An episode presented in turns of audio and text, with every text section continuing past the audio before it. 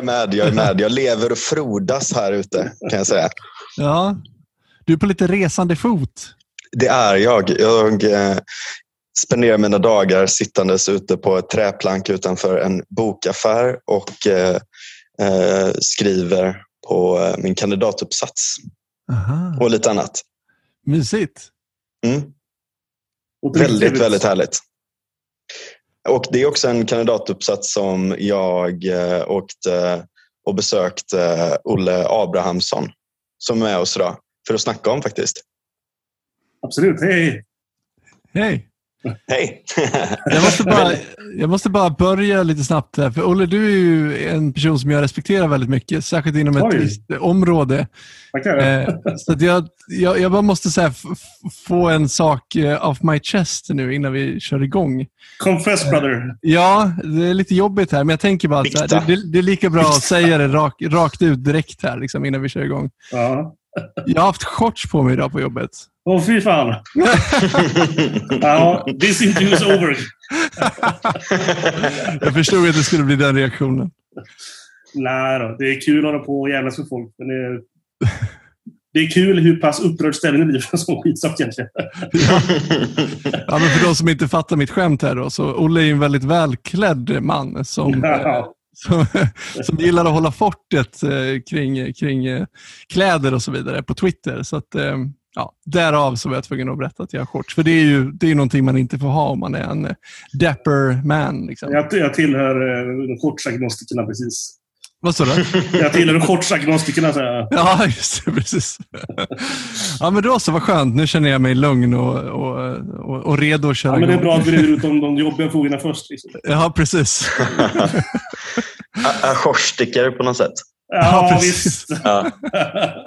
Men det, det är spännande det där hur det har blivit en sån otroligt eh, känslig fråga. Det är, det, det är nog det klädesplagget som jag får mest hat av att ha på mig. Som är mest laddat, tänker du? Ja, ja gud ja. ja men jag har en vän som varje gång, eh, varje gång jag har det så, så trackar han mig i all evighet om att jag är en liten pojke för att jag har på mig shorts.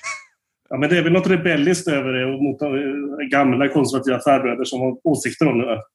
Ja, men han är inte ens gammal konservativ. han är Nej, fan jag vet. Men det är fortfarande... hip- hipster från eh, Majorna bara. det är idémässigt eh, liksom. Det är stereotyperna menar jag. Ja, precis. precis. Det det Men han har en liten sån gubbe i sig tror jag. Ja, jag säger det. Spirit animal på något sätt. Exakt. Men jag säger ibland till folk som säger du är född liksom i fel decennium. Nej, jag är född i fel århundrade brukar jag säga. Eh, 1880-tal. Skulle du varit född på 1880-talet alltså? Om du... Jag, jag, jag, jag erkänner att det finns en del luckor i resonemanget. Ja. När går vara rent, att rent eh, klädmässigt alltså? följer inte alla dina drömmar kan man säga. Nej, precis. Men rent klädmässigt så hade du hellre varit född eh, för hundra år sedan? Ja, det skulle nog passa in bättre med, med liksom en moralistisk synsätt i alla fall. Smälta in lite bättre. Ja, just det. Ja. Ja. precis. N- när, kyrkan var kyrkan. Liksom. Ja, lite ordning och reda liksom. Ja, precis. Ja. Ja, men du är ju, du är ju också kristen. Ja, precis. Och eh, eh, väldigt stort fan eh, av eh, salmer. Av Gud, tror jag du skulle säga. Och Gud. Stort fan. Jag har hört att du är ett jävla fan av han eh, Gud. vad han? Jo, Ja. men absolut. Så blir det väl. Jag har ju ett stort eh, musikintresse i Mm. botten. Och sen kombinerar man det med min tro. Liksom. Då faller det sig ganska naturligt. Just det. Men eh, ja, det har blivit en del eh, psalminlägg på eh, Twitter och sådär. Stämmer. Jag hörde Vilken är- om... Du vilken är favoriten? Oj. ehm, frågan är om det inte är något så enkelt som typ uh, Blott en dag. För jag tror att det var en av morfars favoritpsalmer. ja, och hur, hur går den? Eh, Blott en dag, ett ögonblick i sänder. Vet. Ja, ja, Ja, absolut. Nice. Ni då? Jag tror, eh, alltså bara, jag, jag har nog också rätt eh, enkelt bara den här I denna ljuva sommartid Mm. da, da, da, da, da, da, da, da, Just det. bam, bam, bam. Räcker. Frans. Men det, det är ju den bästa delen på låten som kommer där sen. tror jag. Aha, Alltså, det, Ja. Men Den är det, fin. vad sa du, att det var Carola-aktigt? Sa du, va? Det lät som du sa det, att det var Nej, Carola-aktigt. så här. Ja, ja, ja. Just det. Just det. Det finns säkert andra varianter på den. Som är Carola-aktiga. Hon har ju gått loss. Eh, alltså, Ja, verkligen. det där är så jävla roligt att se. Att det, det, hon får så jävla mycket feeling. Hon, så här, liksom, små inspelningar här och där när hon är i någon trädgård. Liksom. Och så Ja, börjar hon, hon sjunger på någonting och så bara “Jag älskar Jesus!” Ja, verkligen. Hon, hon, hon, hon går all in. det. Och ändå, det, det finns någon ironi i att hon är uppvuxen då i liksom så här, eh, väldigt utpräglad frireligiöst hem. Ja. Eh, och sen så har hon blivit bögarnas favoritsångerska nummer uno. Liksom. Ja, just det. Det är sant. Det är en kul vändning. Men, men eh, i, i övrigt eh, kanske du inte känner, eller känner du att du kan relatera till hennes eh, supergalna religion, eller religiösa... Ah, inte personligen. Jag tror att eh, möjligen har jag fått lite mer förståelse för den typen av uttryck på senare år kanske. Ja, det är så Eh, alltså? Jo, men alltså jag växte upp i Svenska kyrkan. Mm. Eh, och en ganska ska säga, högkyrklig, mer konservativ del av Svenska kyrkan. kan säga. Mm. Mer traditionell helt enkelt. Det. Eh, och det går ganska långt ifrån det här lågkyrkliga, fri, alltså eh, typ pingst. Det är verkligen kontraster emot det. Ja. Eh, så det är väl att man växer upp i det så tänker man oj, det är de där knäppjökarna där borta. Liksom. ja, just det. Sen är det inte förrän man blir äldre och träffar folk som, då kan man inte säga det direkt till. Höra lite grann vad deras bakgrund är först. Och sådär. Ja. ja, alltså det, det är väldigt vanligt med frireligiösa i eh, Göteborg. Mhm, det är det. Och, ja, framförallt ute på öarna. Just det. och lite runt om sådär. De har också väldigt, väldigt mycket musikverksamhet. Eh, Så några av Göteborgs bästa musiker är skolade från deras, kan man säga, musikskoleverksamhet. Eh, Och det är också ja, dels, dels gamla, det var många lärare och sånt man hade som kom från den miljön. Eh, jag, när jag gick musik då i både högstadie och gymnasie. Mm. Men också väldigt många, många klasskamrater och sådär också. eh, I, ja, folk i min ålder helt enkelt som kom från det där också. Som var helt otroligt duktiga musiker. Intressant. De har Ja. en helt egen liksom, kulturodling där. Ja, så att jag menar det finns ju... Det där tycker jag, det är en sån sak som jag verkligen gillar. Typ när, eh, när man kan koppla den här religiösa, alltså styrkan i religionen, att det inte blir... Alltså istället för att vara anti vissa beteenden eller att det ska vara, eh, vad ska man säga, auktoritärt på något sätt, att kanalisera den känslan av det gudomliga in i något som musik. Det, det är någonting som de frireligiösa gör jävligt bra tycker jag. Ja, ja, hela den här väckelsetraditionen bygger ju på det. Ja, att, eh, och, det är inte längre liksom högprästerna och biskoparna som ska upp- stå och predika ner till församlingen. Står upp i en, eh, i, i en tal, liksom biskopsstol som man gör annars va, i en gammaldags. Utan Mm. rent fysiskt så står de på jämn mark med församlingen. mm. Och det Just finns det. ingen särskild utbildning egentligen. Utan tanken att vem som helst ska delta. ja. Så det är ju extremt platt eh, liksom, struktur på deras församlingar. Ja just det. Just det. I synnerhet pingst. De har ju inte ens en, en enhetlig nationell gemenskap, utan där är ju varje församling helt autonom. Mhm. Oj. Pi- Pingiskyrkan. Pingiskyrkan, ja, exakt. Det är källan. Alltså jag har så dålig koll på, alltså dels egentligen, alltså jag tror inte att jag har känt någon som har varit troende, vad jag vet egentligen. Eh, och jag har liksom ingen koll på de olika kyrkorna, pingstkyrkan, jag har ingen koll på hur allt det här hänger ihop. Eh, Mm. Men de är alltså fristående då från Svenska kyrkan?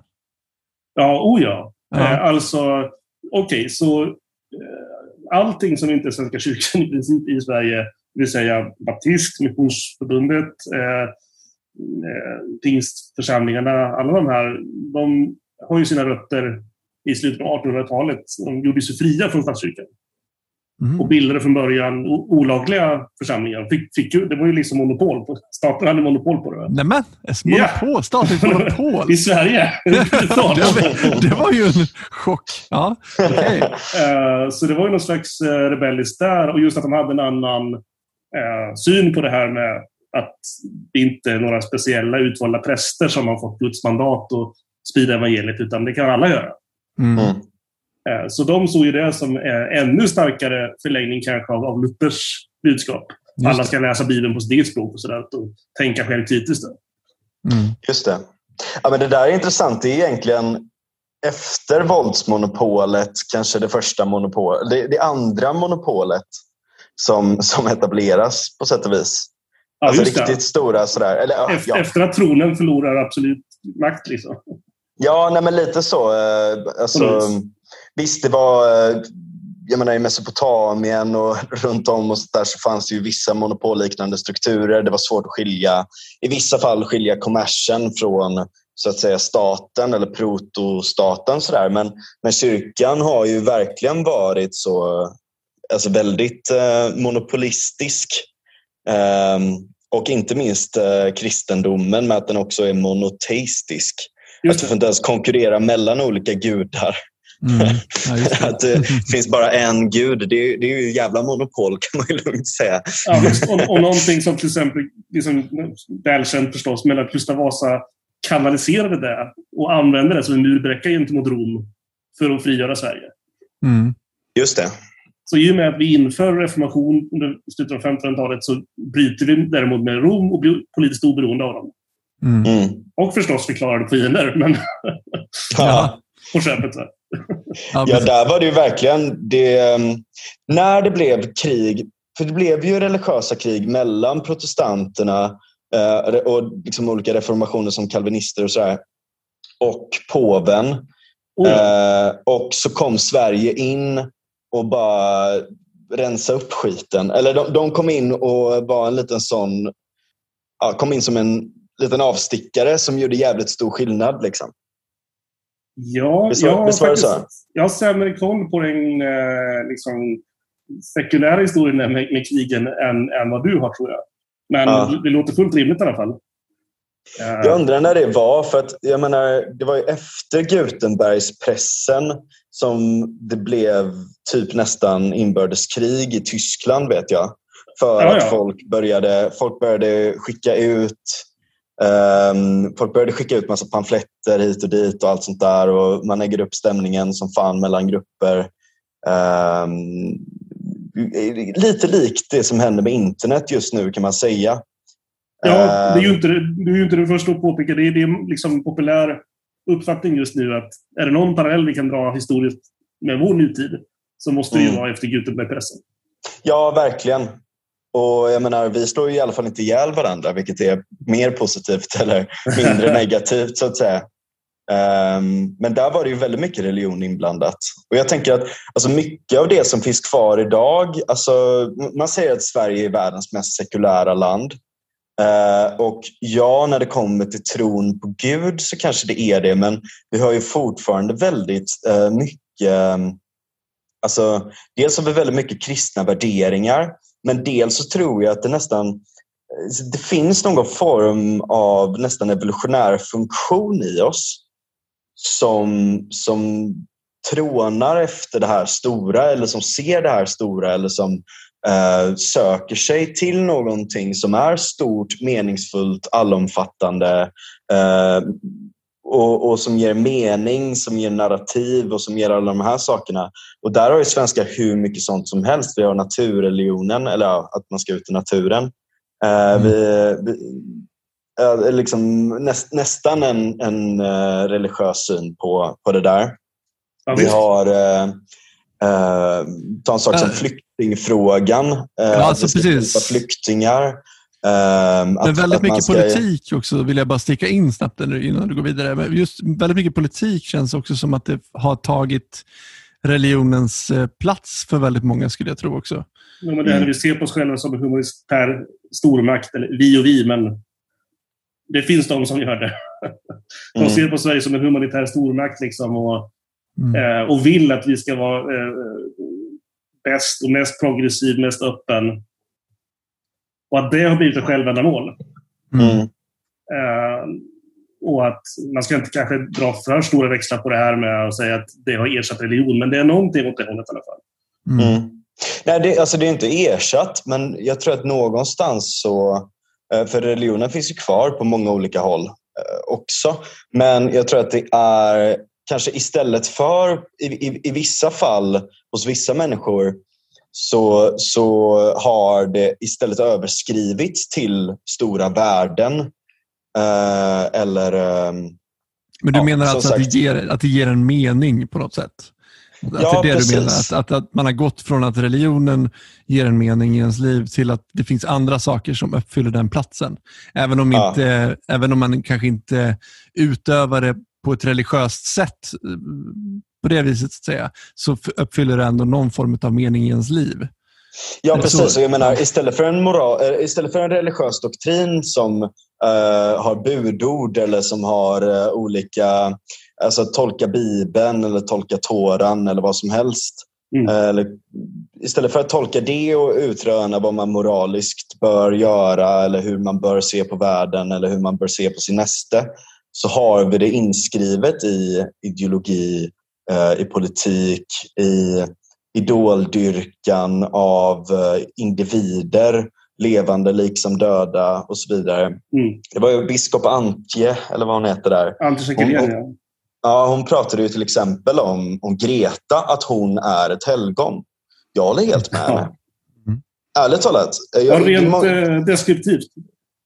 Nej, men jag, jag, skulle nog säga att, att, att det, det är det. Det är en liksom, helt klockren motsvarighet till hur vi såg på helgon tidigare. Eh, och människor har samma eh, respons till henne som de har till ett helgon också, eh, på gott och ont. Eh, och, och sådär. Att, ehm, så det var inte helt off när, när hon sa det.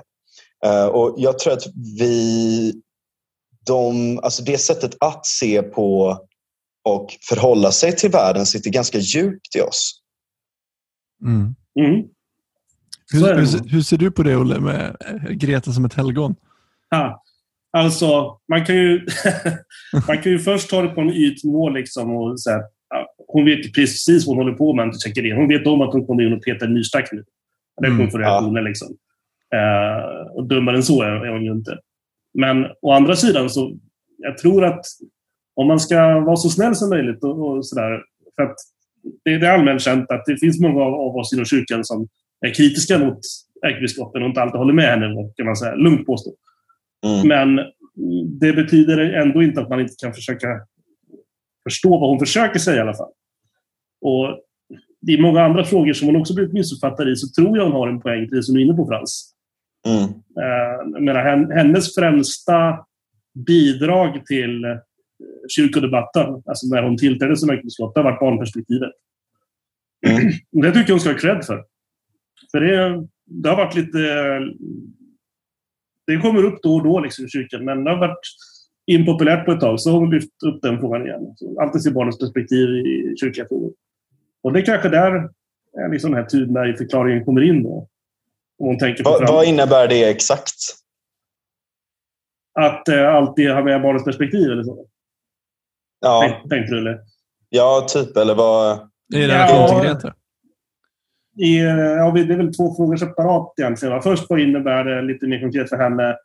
Ja, men det betyder väl att hon... Eh, eh jag tror bara i hennes, i hennes retorik och, och de eh, religiös interna frågor hon lyfter upp så vill hon ofta ha med barn som tema. Eh, mm. Och att, eh, det, det behöver kanske inte vara superkonkret, men, men det räcker ändå att man blir medveten om det, att man pratar om det. Uh, just med fallet Greta Thunberg, ja, man kan ju bara spekulera i vad hon tänker sig. Men jag tänker från hennes liksom, erkända barnperspektiv så kanske det handlar om en ja, men, Greta Thunberg hon, hon driver vägen för en ny generation unga människor som har mer miljötänk och sådär. Och att, det har Mm. ändå med barn och framtid att göra. Vi får ihop det på något vis. Just det. Annars så brukar det oftast vara katolska kyrkan som har barnperspektiv.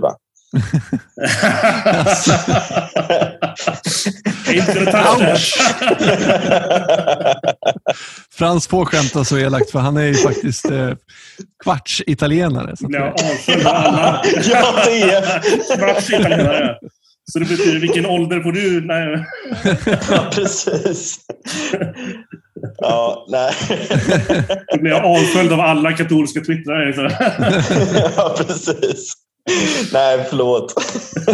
Ja, det, jag som... men det var lite öppet mål där. det Ja, var det, det. det, det var det. Det är så här, de, de har ju inte precis eh, gjort sig oskyldiga till den typen av påhopp. Nej, Nej, det kan man väl säga. nej precis. Ja, Men, shit. eh, Där kan man ju säga problemet med en kyrka där all makt är koncentrerad i liksom en triang- triangulär hierarki. Ja, Eh, och hur farligt... Och det är precis den här typen av saker som Luther varnade för. Du måste ha församlingsmedlemmar som är självkritiska, som kan läsa Bibeln själva. Och som mm, kan se när korrupta makthavare snackar skit. Liksom. Mm. ja. ja, ja verkligen. Han, han, och han hade ju väldigt rätt då. Men att han har rätt så mycket längre fram i tiden också är ju ganska intressant. Att, att, man, att katolska kyrkan inte tog till sig mer av den kritiken då. Ja, just det. Och, och det är också intressant att om man går tillbaka till Luthers egna skrifter, han såg ju sig aldrig själv som någon radikal revolutionär. Det är ju ett epitet han har fått i efterhand. Nej, han, just det, precis. Han, han såg sig själv som eh, väldigt eh, ortodox. Va? Eller, Ja, Alltså- han, han, när han pratar om reformation, då menar han reformera tillbaka till urkyrkan. Liksom. Mm. Precis, precis. Men sen var det ju bara att katolska kyrkan vägrade och kickade ut honom så han fick bilda sin egen falang. Mm. Och, och fortsatte på mer eller mindre som vanligt. Lite elak historisk sammanfattning, men Varför joinar han inte de ortodoxa då? Eh, det har funnits sådana försök. Eh, framför allt ju för sig. Nu var det ju så att den katolska kyrkan bröts ju ur den ortodoxa kyrkan. Så det är ju en äldre, mycket äldre splittring. Om jag inte missminner mig så är det runt 800-900-talet. Ja, okej. Jag har för mig att det var senare, runt tusen. Men okej. Ja, det men- kan vara tusen också. Ja, Men på poängen är att det var åtminstone 500 år före reformationen. just det. Mm. Eh, och då kanske det var... Det är nog lättare... Det är till och med svårt att se en försoning mellan katolska och ortodoxa. Men det är nog ändå lättare än mellan eh, reformation och ortodoxa. Mhm. Tror jag. Mm. Men trots Men att han ville gå tillbaka. ortodoxa kyrkan är väl ganska märklig också. Det är väldigt mycket så här, ja, men väldigt mycket idolbild, eller idolat, liksom, eh, idolatri eller vad det heter. Väldigt mycket så här idolbilder, väldigt mycket olika... Idolater, eh, Ja, alltså det, det, den är nästan på gränsen till att inte vara monotistisk längre just för att man har så Ja. många olika helgon och olika... Att, att de nästan blir eh, som, som olika gudar i sig eller gudaväsen nästan. Mm. Ja, och, och, och även bara synsättet på, eh, ett svårt ord här, men de, devotionalier om ni vet vad det är. Nej. Eh, och Nej. för, den, för den som inte vet, så är alltså det är föremål som, som används i eh, bönelivet. Kan man säga. Det kan vara ett bönerep. Det kan vara... Ah, Eh, Svenska kyrkan har någon form av pärlband. Eh, man kan Just det. använda. Judar har ju en sån här fi- en kub som de spänner fast i pannan. Va? Det tycker jag är väldigt spejsat.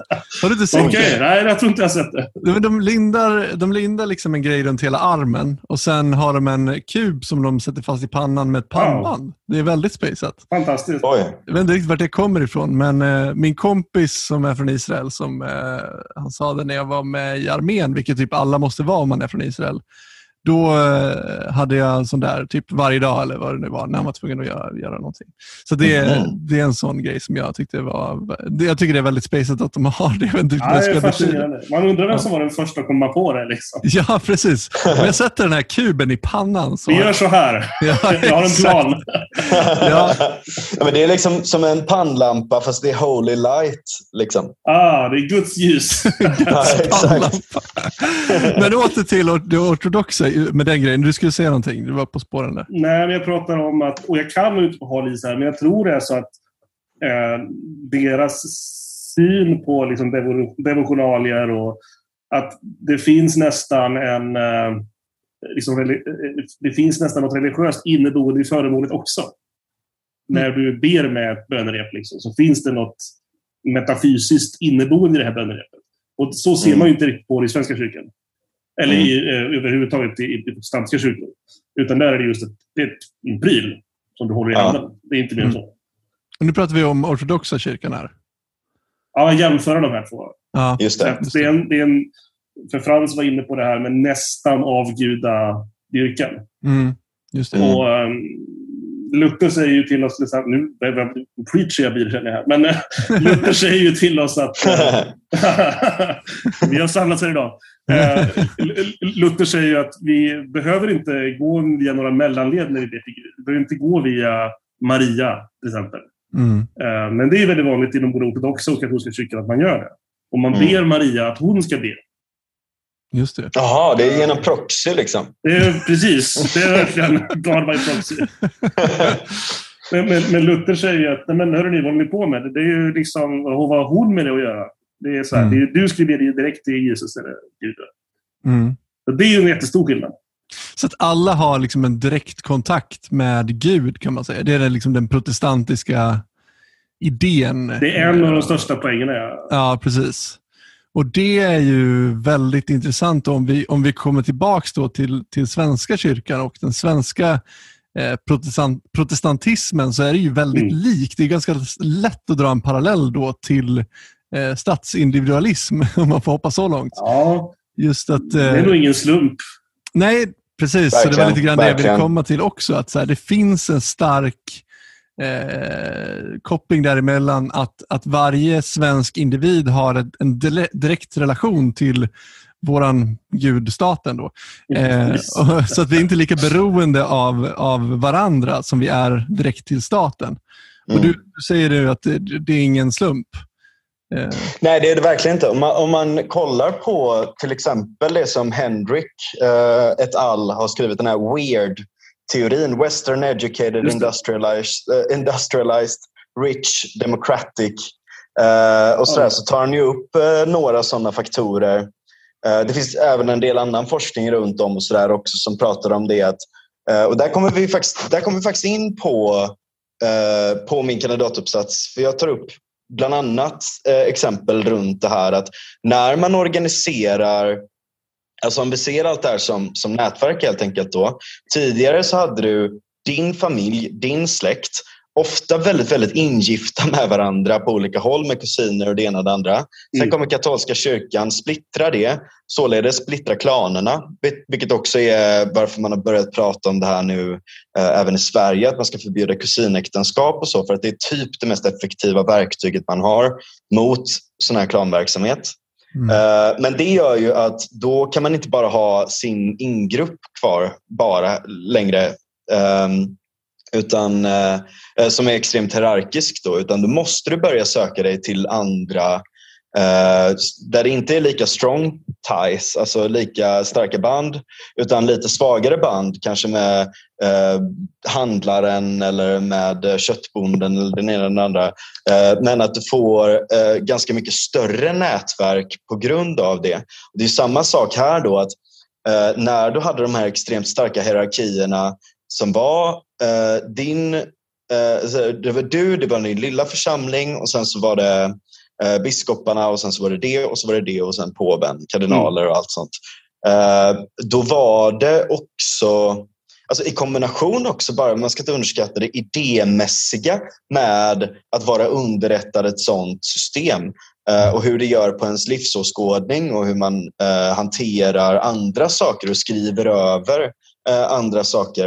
Eh, så att där finns en klockren koppling till typ ja, WASP, alltså White Anglo-Saxon Protestant och varför de blev så extremt eh, framgångsrika i USA jämfört med andra grupper. Eh, du kan se det till eh, ja, ekonomierna idag i princip som, som har klarat sig bäst. Det är de som har varit individualistiska, eh, inte strukturerade på ett sånt sätt som, eh, alltså på de här sätten som dels då eh, katolska kyrkan men dels en del av de staterna, klientelistiska eh, och så vidare har, har fungerat. Eh, så jag menar, om, du, om du ser, det är ju Sverige, det är, det är Norge, det är England, det är USA, det är andra länder runt om som, där det liksom i väldigt, väldigt många olika faktorer om man ser de här sakerna korrelera väldigt starkt. Sen är det svårt att säga exakt det kausala i de här fallen. Men, um, men, men, du kan fortfarande se extremt starka korrelationer helt enkelt. Du pratar om korrelation mellan vad ska säga, en, en episkopal struktur, alltså en, en struktur med tydliga liksom, biskopshierarkier och sådär, och någon slags nationalkyrka. Ja. Eh, och typ demokratiskt välstånd och så. Ja, eller alltså, ja, dels det, men också i relation till det som, som Daniel sa, det här till statsindividualismen till exempel. Mm. Eh, för klientelistiska system eller eh, stater som är väldigt gruppstyrda eh, och så vidare. Ja, jag menar, um, för, att, för att fläta in i det, det är ju rätt talande att för så sent som för några decennier sedan så styrde Svenska kyrkan av en statlig myndighet. Liksom. Ja. Med det gör den fortfarande. Av sossarna har jag hört. Ja. det, det där är också en intressant eh, tangent med den politiska dominansen som sossarna har i, i Svenska kyrkan. Mm. det, det, är ju en förlängning av den gamla sossestaten. Ja. Det är ju hur lätt som helst att se. Och det är totalt okontroversiellt inom kyrkan också, oavsett om du pratar med meningsfränder eller motståndare. Så det är ju totalt okontroversiellt. Ska vi ta det lite grann eh, mer ingående? För jag känner att jag har inte så bra koll på det. Jag tror inte att alla har så bra koll på det som lyssnar heller.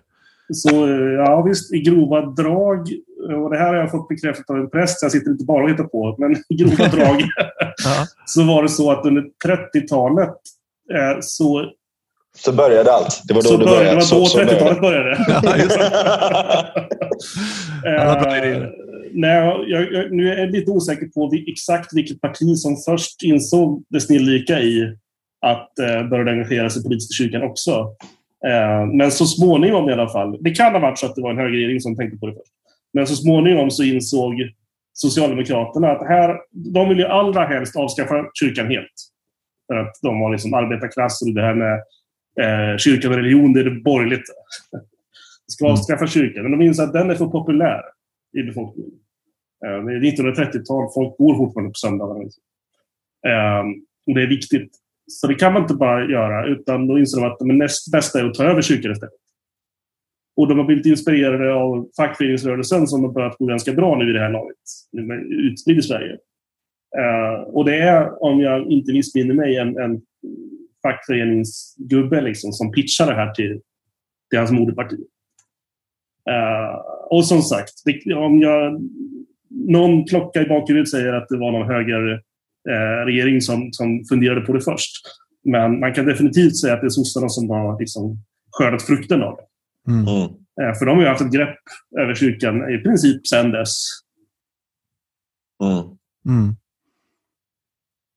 Kyrkoval, ja eller nej? Eh, jag har lite svårt för de som säger nej av det enda skälet att det finns politiska partier kyrkoval ja, fast utan de politiska partierna. Mm. Eh, det är bra att kyrkan är demokratiserad. Det är bra att församlingsmedlemmarna får vara med och styra indirekt. Mm. Eh, men alternativt hade vi haft någon slags eh, clergy rule då, att det är bara präster och biskopar som bestämmer. Ja, och då är vi tillbaka i katolska kyrkan igen. Ja, typ. ja det är sant. Faktiskt, det är, det är väldigt sant. Men jag håller med dig. Det är, det är jävla märkligt att uh, att eh, man ska hålla på och ställa upp i kyrkoval som, som politiker. Jag tycker att man ska inte sitta på de dubbla stolarna. Man kan framförallt inte vara förespråkare för att eh, frikoppla Svenska kyrkan från staten och samtidigt vara delaktig som parti där. Nej. Det blir väldigt konstigt tycker jag. Verkligen, verkligen. Och det är ju så, jag menar, tittar du praktiskt på hur det fungerar med så i synnerhet inom de politiska partierna, det är inte bara sossarna utan det är liksom Centerpartiet och sådär med, så fungerar det som en politisk språngbräda oftast. Mm. Du, går inte, du blir inte aktiv i, i kyrkovalet för att du verkligen brinner jättemycket. Herregud, det sitter en ateist i kyrkostyrelsen. Mm. Gör det? En socialdemokratisk ateist, ja. Nej! Jo, som... Fan. Och, och hon... eh, Vem är det nu? Eh, Kan det vara Margareta Winblad? Säger jag fel då? Det säger jag förmodligen fel, så jag ska inte säga någonting. Men man kan kolla- upp det själv i alla fall. Och hon har sagt eh, för några år sedan, eh, tio år sedan kanske, att ja, men jag går in för jag tycker det är viktigt att ge de icke-troende en röst i kyrkan också. Varför? What the... f- Vad fan? Varför då? Vad betyder det? Det är som att jag skulle gå med i IOG TNTO och skrika Ja. om att alla borde få knarka. Liksom. Ja, Nej, jag tycker det är bra, det är bra att vi får röst där också. ja, men alltså skillnaden är att du skulle bli hånskrattad och utkastad, inte invald i styrelsen. Nej, det är sant. Det är sant. Plus att det låter ju ändå rimligare. Ja, faktiskt. Precis. Ja. Nej, men det är så Vad- märklig inställning. Vad var det som fick dig in på uh, nätverksteori? Jag tror att vi glömt säga det. Du är alltså doktorand i nätverksteori. Stämmer Mm. Precis. Eh, jag tror till och med att det kan vara jag som har hittat på ordet på svenska. Network science heter det ju Mm. eh, på engelska. Och sen är vi så få som sysslar med det helhjärtat i Sverige att jag tror inte det har etablerats terminologin för det. Men, Det är så eh, bisarrt tycker jag. Faktiskt, att, att det är så... att det inte är mer utvecklat. Ja. Eh, jag tror det, är så här att det är ju så interdisciplinärt ämne. Mm. Så, eh, oftast när du stöter på det på svenska universitet så, så finns det ingen grupp som sysslar med det enkom. Utan du stöter Nej. på det inom ramen för andra forskningsprojekt. Nej. Eh, Just det, just det. det. Det är som att leta efter en nål i en höstack ibland. Men berätta, vad gör du exakt? Nej, jag vet ju det, men ja, precis. För Men för, för, för, för de som inte vet. nej, jag Eh. fattar inte allting du gör heller kan jag säga. Nej, frågan om jag själv gör det. Net, network science, lite kort bara om ämnet. Det är ett, ehm, ett, en, en subgenre, ett subfält till eh, dataanalys. Eh, och det här som lite slarvigt kallas för big data då, lite fränt så. Eh, det är egentligen de aspekterna som jag är intresserad av. Det handlar om att studera informationsflöden på sociala nätverk. Eh, åsiktsspridning, eh, falska rykten, eh, fake news. Eh, och jag bygger matematiska modeller och studerar un- vad händer under, under olika förutsättningar. Hur kan vi manipulera de här systemen? Vad händer om något går fel? Eller vad händer om någon blir mutad och så vidare.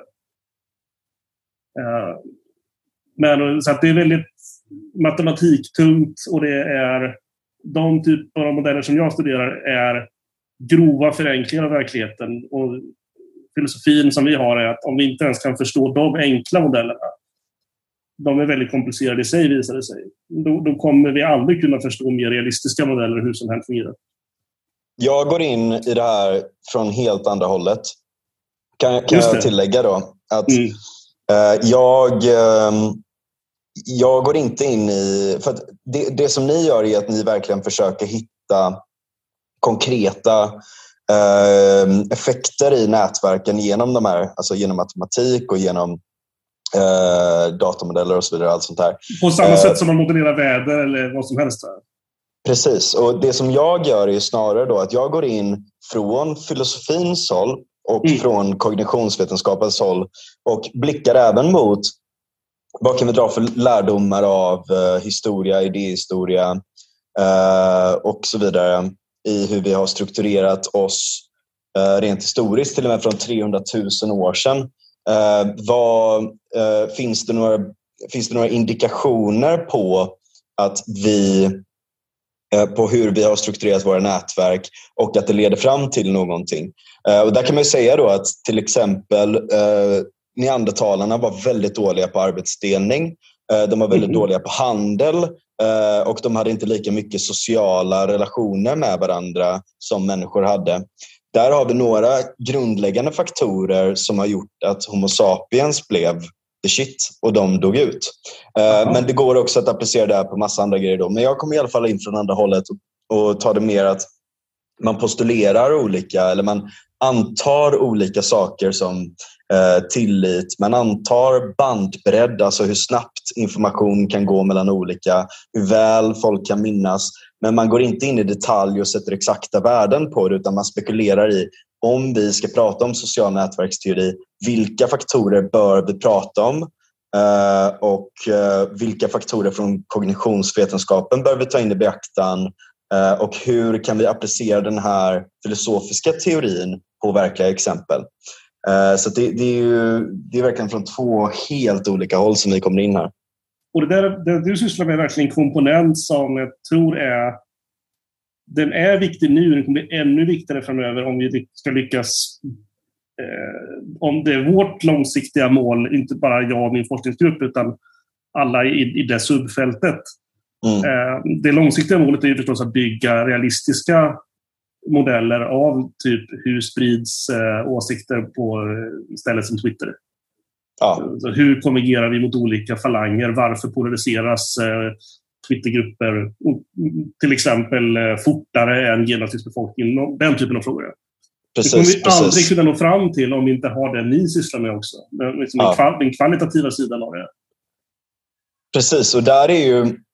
Där kan man säga att eh, på samma sätt som kognitionsvetenskapen har lärt sig genom att också börja prata om artificiell intelligens, genom att studera hur information flödar i, eh, i artificiella nätverk, jämföra det med eh, biologiska, eller vice versa, jämföra biolo ja, ni fattar. Mm. Eh, genom det så har man ju kommit till en del stora insikter om båda områdena. Eh, vi kan se till exempel de här bildigenkänningsgrejerna som eh, har börjat bli riktigt bra och dessutom börjat tillämpas väldigt, väldigt mycket nu. Eh, de är ju baserade på principer från occipitala loben i olika steg av filtrering och uppbyggnad av små, alltså, små skuggningar, små ändringar till större Eh, objekt, till ännu större objekt, till delar i ett stort objekt och så vidare. Eh, och Det är så man jobbar även på artificiell intelligens-sidan. Och allt sånt. Men eh, så där har du de här två stycken olika som har lärt sig av varandra. Men jag tror, och det här är också någonting som min, han som drog igång kognitionsvetenskap på Göteborgs universitet gjorde det och utformade programmet också ganska mycket efter att inkorporera även samhälle i det här. Just för att jag menar, vi har ju sociala nätverk också. Vi har en viss distribuerad kognition som kan bli högre om man är fler som arbetar tillsammans. Vi ser nätverkseffekter mellan människor också. Uh, och alltså en människa jämfört med eh, uh, 20 människor som är likvärdigt smarta eller lite olika hit och dit så är ju där är ju 20 människor väldigt, väldigt mycket bättre. De kan komma på mycket bättre saker, de kan utföra mycket bättre funktioner och sådär också. Mm. Um, och blir på sätt och vis i förhållande till den enskilda norden eller individen en superintelligens.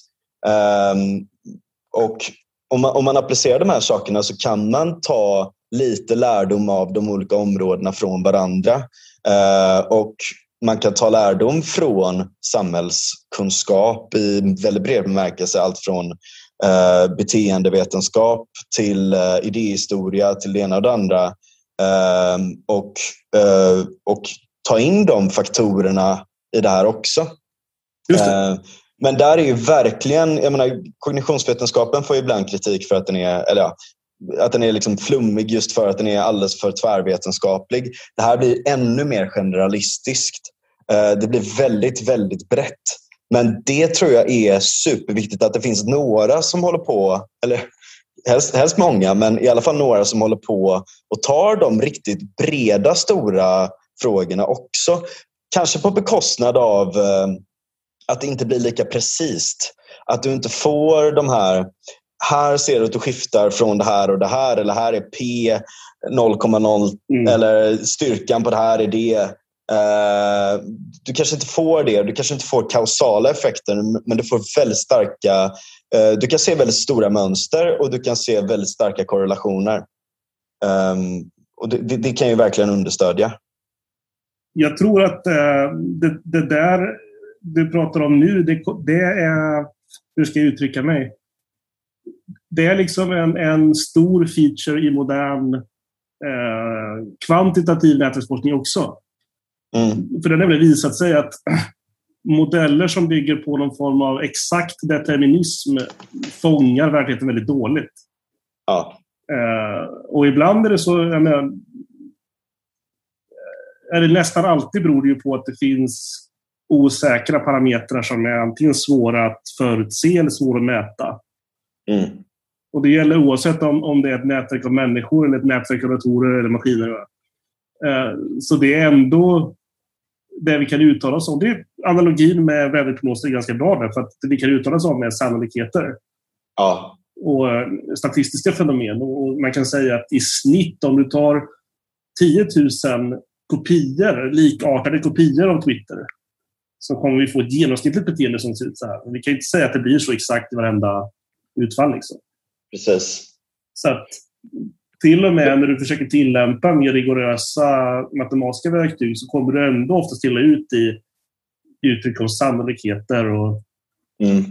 Kan inte du berätta hur, uh, ungefär hur, hur det ser ut när ni sätter upp uh, en modell? Eh, jo, alltså för det första, rent konkret som doktorand blir det ju att han eh, ofta studerar färdiga modeller och sen så gör man en twist på dem.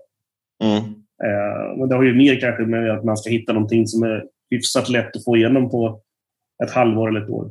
Mm. Men generellt så skulle jag säga att eh, de modeller som studerar hittills bygger på väldigt, väldigt förenklade principer.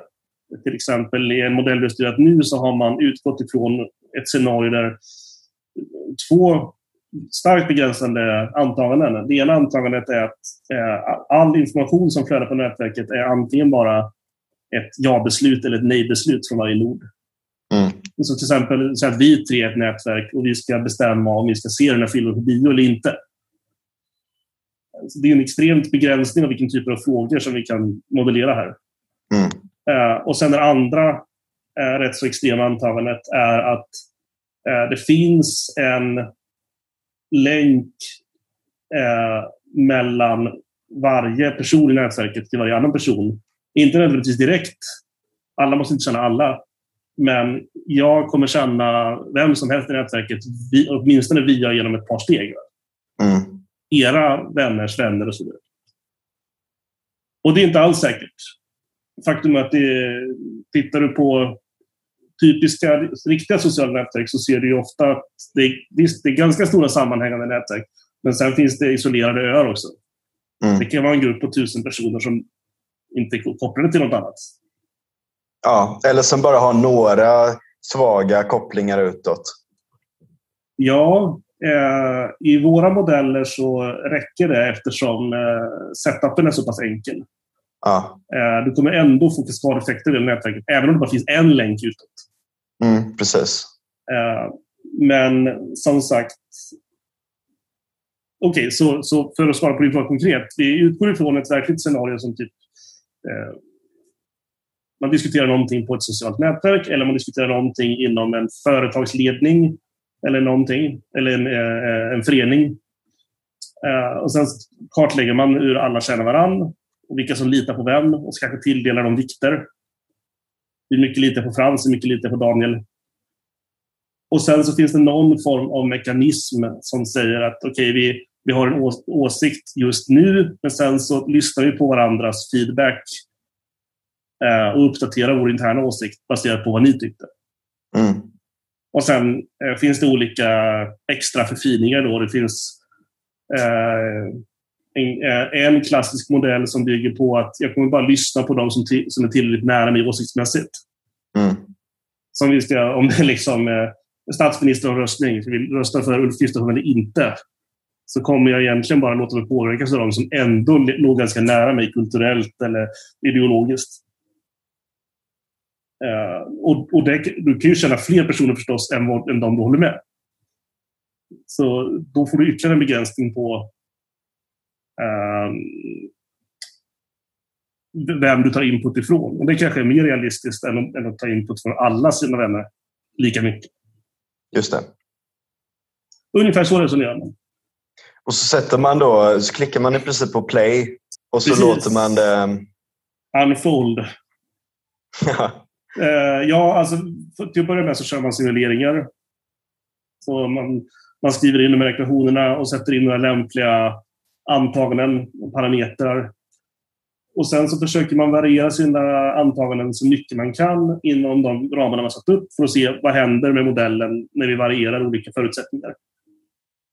Och ser, ser man något mönster i det, ser man någon trend som var oväntad eller som man tänker det där hade nog inte varit uppenbart. Till exempel att eh, vi har ett nätverk med tusen personer som eh, får rösta ja eller nej.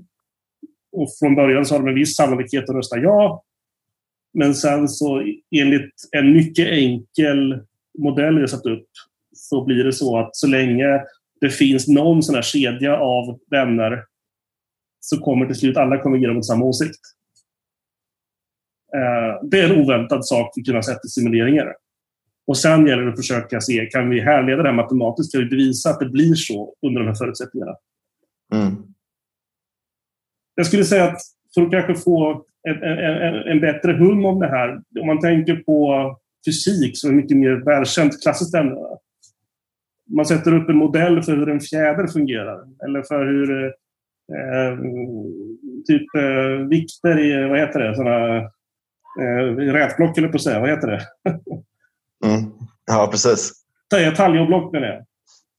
Det kan man ställa upp liksom matematiska ekvationer för. Naturligtvis har man negligerat massa detaljer som friktion och allt annat. Men det ger åtminstone en tillräckligt grov approximation av verkligheten för att det ska vara användbart. Just det. Och så skulle jag nog hävda är vår synsätt på de här modellerna också. Ja, just det. För att du kan ändå få du kan ändå få ut indikationer på ungefär hur saker och ting sprider sig. Just det. Så det blir slags, precis, någon slags intelligenta approximationer eller avrundningar vi gör. Ja. Så att, okej, okay, detaljerna kan, kanske vi inte kan få ut av den här modellen, men vi kan åtminstone få ut de grova dragen. Mm. Vi kan ja, se då... att delar av Twitter drar åt ett håll och de som hänger i den här klubben... Det är precis sådana modeller som eh, Kantar Sifo använder. Mm. När de säger att nu, nu, har vänster-Twitter dominerat de senaste månaden. Liksom. Då ser de just det... vilka konton hänger ihop och hur sker informationsutbytet mellan grupperna. Det, det måste varit uh, många år sedan. ja, ja. det var innan mätningarna började. Ja, precis. Ja, men, uh, och där, där kommer det egentligen... Alltså när, när det kommer till att sätta olika biases i det här eh, nätverket så, så kan man ju säga att eh, i, i, verkligheten så finns det en miljontals andra varje sekund som kommer från olika håll. Eh, det, ja, det räcker inte ens för att förklara det utan eh, mm. biljontals. Ehm, och, eh, och sådär. Men, men du kan ju ändå se att givet de här eh, premisserna, givet att det skulle ha den här styrkan eh, som en effekt så skulle det kunna leda till det här. Precis. Ja, ja men det, är, det är väldigt intressant. Alltså. Så, Där kan man också, ja. Nej, jag säga, bara för att eh, förstärka det du sa, så de här modellerna uttalar sig kanske om eh, någon slags eh, extremt gränsvärde mot vad vi ser. Alltså om du tar något verkligt scenario, sen pushar du vissa parametrar till bristningsgränsen. Mm. På, på gränsen då att de blir orealistiska, men det är så långt vi kan komma utan att totalt börja ljuga. Ja. Uh, så du kan frysa vissa parametrar i extremerna och sen låter du andra saker variera. Och Det är det vi kan uttala oss om. Inte när du har alla rörliga delar samtidigt. Mm. Ja. ja, jag fattar. D där är det ju, det är ju väldigt annorlunda från... Det, det som är jävligt bra med med det då, om man jämför till exempel, skulle du göra en big data-analys till exempel på, eh, på allt det här att du skulle analysera Twitter-data eller du skulle analysera eh, ja, något liknande mm. så är det väldigt, väldigt svårt att veta vad som är kanske de kausala eh, faktorerna i det här för du har inte riktigt kontroll på vad du puttar in. Eh, det är inte transparent i bemärkelsen att du vet inte vad det är som leder till vad. Eh, du kan göra grova korrelationsanalyser på det och det kan vara jätte, jätteeffektivt också. Men det kan vara massa andra saker som har påverkat i närtid som du glömmer att ta med i beräkningen. Oh ja. visst. Eh, och jag tror att där handlar det om big, big data-analys, eller vad man nu ska kalla det för. Dataanalys på redan befintlig data. Där är det ju mer statistisk approach från andra hållet. Mm. Där har du redan facit och du försöker liksom reverse-engineera modellen. Medan i det andra fallet ställer du upp en modell först och sen så undersöker du kanske mer analytiska aspekter av den. Alltså du får fram, med det menar jag att du får fram konkreta matematiska resultat, formler. Mm. I det andra fallet så är det ju mer eh, ja, det är ju dataanalys med, med armarna uppkavlade. Liksom. Då är du ju ner och gräver i, i skitiga datan direkt. Ja. Eh, och där har så. du alla problem som du påpekade. Där är också så jävla svårt i dagens läge när det kommer till sån analys att det som man kallar sentiment analysis, det vill säga mm. vad folk har för uh, sentiment, åsikter eller alltså känslor till någonting. Mm. Uh, är väldigt svårt att, uh, det är väldigt svårt att, att analysera. För om, du tar, om du tar någon um, så här, vet, knäpp så här, sju, sju lager av ironi-twittrare typ Ja, en spaning till exempel. Ja, ibland så här, gömda kärnor av sås eller något sånt här, du vet, hopstaplade jävla eh, bokstavskombinationsnamn. Liksom. Um, ja, ja. um, så här, de, så här, om du går in på sådana saker så kan det ju vara någonting att någon skriver något ironiskt, någon skriver någonting för att det var så dumt sagt. Eller gud vad bra det här är när de länkar till en nyhet som är dålig.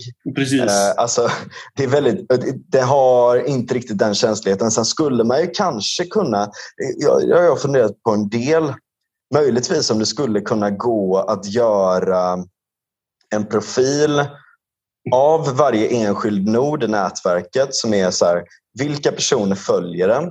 Vilket, vilket innehåll interagerar den med? Eh, vad likar den? Vad retweetar den? Allt sånt där. Liksom. Mm. Eh, och utifrån det ge, ett, eh, ge en sannolikhet till att den här personen är lagd åt det här hållet som ett bias till eh, när man väl klickar på unfold, så att säga. Eller när, när man väl kickar igång och, och analyserar. Det skulle möjligtvis kunna vara Eh, ett sätt att hantera en sån här sak.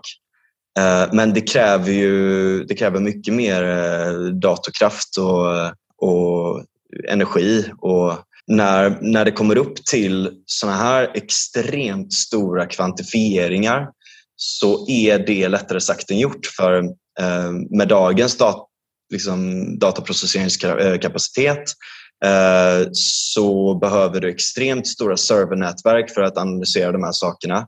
Uh, och om du inte har de här gigantiska serverhallarna själv så får du hyra in dig på Amazon mm. eller någon liknande som cloud service, uh, vilket är dyrt. och, mm. och det finns inte jättemycket forskningspengar till det och så där, utan det blir väldigt mycket att de som, de som kan göra den sortens eh, dataanalys blir väldigt mycket Facebook. Eh, och, just det, för, och sen, det, sen kommer vi också in på integritetsperspektiven eh, också. Och, eh, inte helt oviktig fråga i det här sammanhanget. Nej, inte helt oviktig. Du kommer in på det, du kommer in på forskningsetik, du kommer in på eh, det ena och det andra. Eh, så att, jag menar, de som har den stora tillgången, Facebooks system är ju väldigt slutet. Eh, Twitters är inte lika slutet eh, i bemärkelsen av att du kan ju scrapa men de har inga bra verktyg för att ehm, de har inga jättebra verktyg för att bara exportera data direkt. Eh, inte längre, de hade det i början. Men... Hade de det? Så vitt jag vet i alla fall så var deras API betydligt mer generöst och vidlyftigt än vad det har blivit. Ja. Det är väl i takt med att de har växt med så kan de inte tillhandahålla den tjänsten. Det, det kan jag ha förståelse för. Men Ja, men det är också för att hela deras marknadsmodell går ju ut på att sitta som en drake på guldet i grottan. Verkligen. Det är en smaul, eller vad det heter. um, men um, men jag menar, om man, är, om man är Kina till exempel, mm. Mm. Då, då, då är det väldigt många av de här problemen som är ur vägen. Och jag tror att de håller på att bygga ganska stora modeller runt de här grejerna just nu?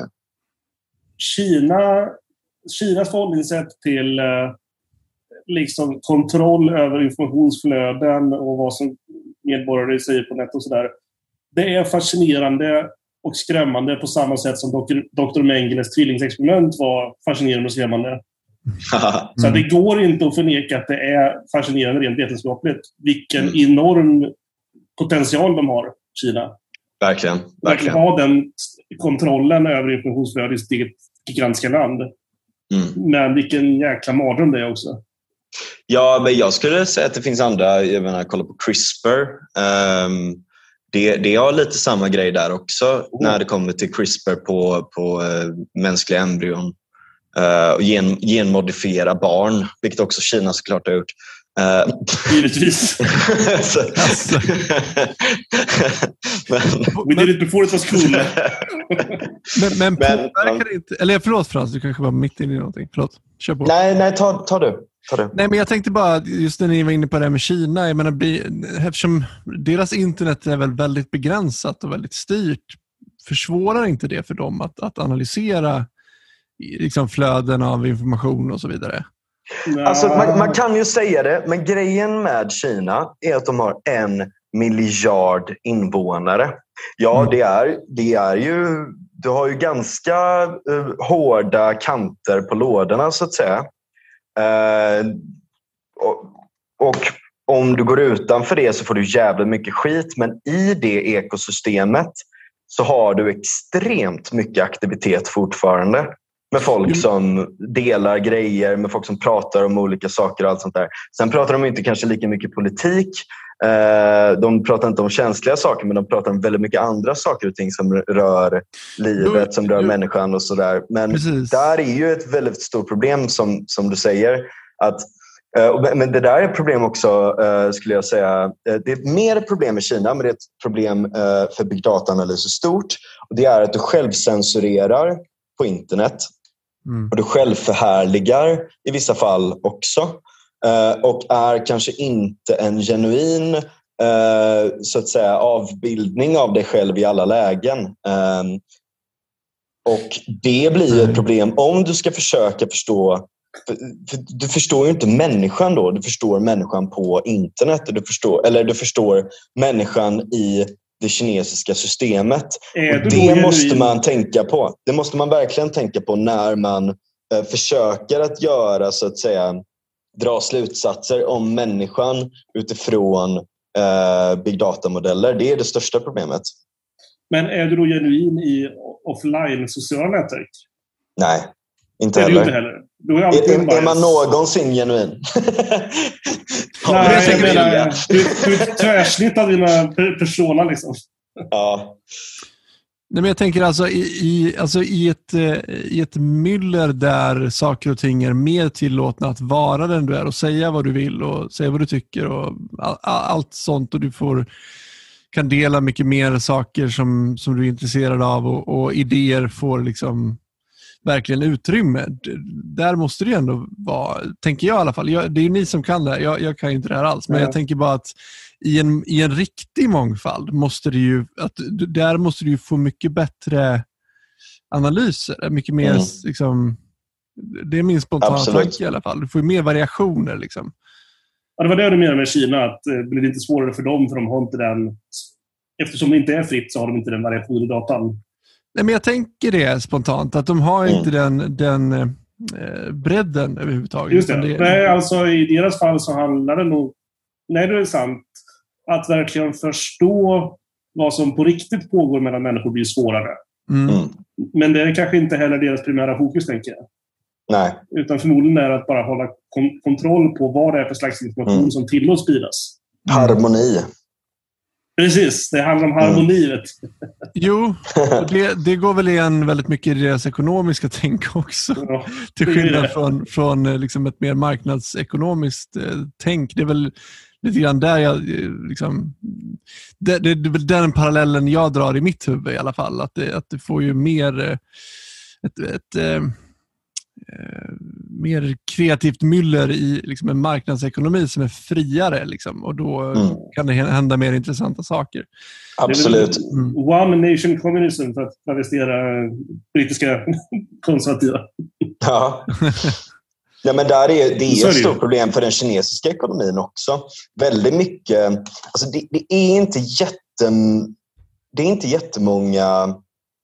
Eh, det är inte jättemycket innovation från Kina i förhållande per capita till, till många andra länder. Um, och uh, väldigt mycket av innovationen kommer ju från kanske Alltså, antingen så är det att man har uh, du vet, industri Antingen så är det industrispionage eller det ena eller det andra eller så är det mm. extremt prestigefyllda statliga projekt. Um, jag skulle ändå säga och, att deras forskningsmiljö är, är väldigt framstående. Åtminstone på, i STEM-områdena. Ja, men det kan jag tänka mig. Det är ju, uh, där satsar de ju mycket.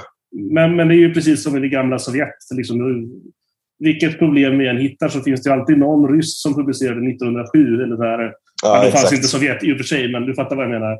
1927 mm. då. mm. ja, men precis. Uh, det är bara att det har varit så isolerat från västvärlden så man inte hört talas om det.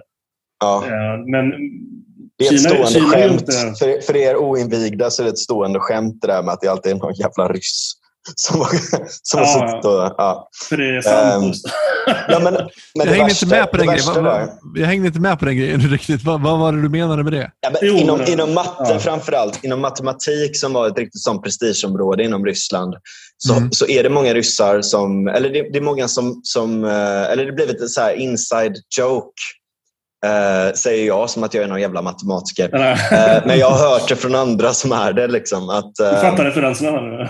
Ja, precis. Nej, men att, att man sitter och kollar på någon grej och tänker fan nu har jag hittat ett nytt sätt att se på den här grejen. Eller sådär. Mm. och så kollar man tillbaka och försöker hitta någon annan som har på med det och så står det så här Njastrom Njastlaja.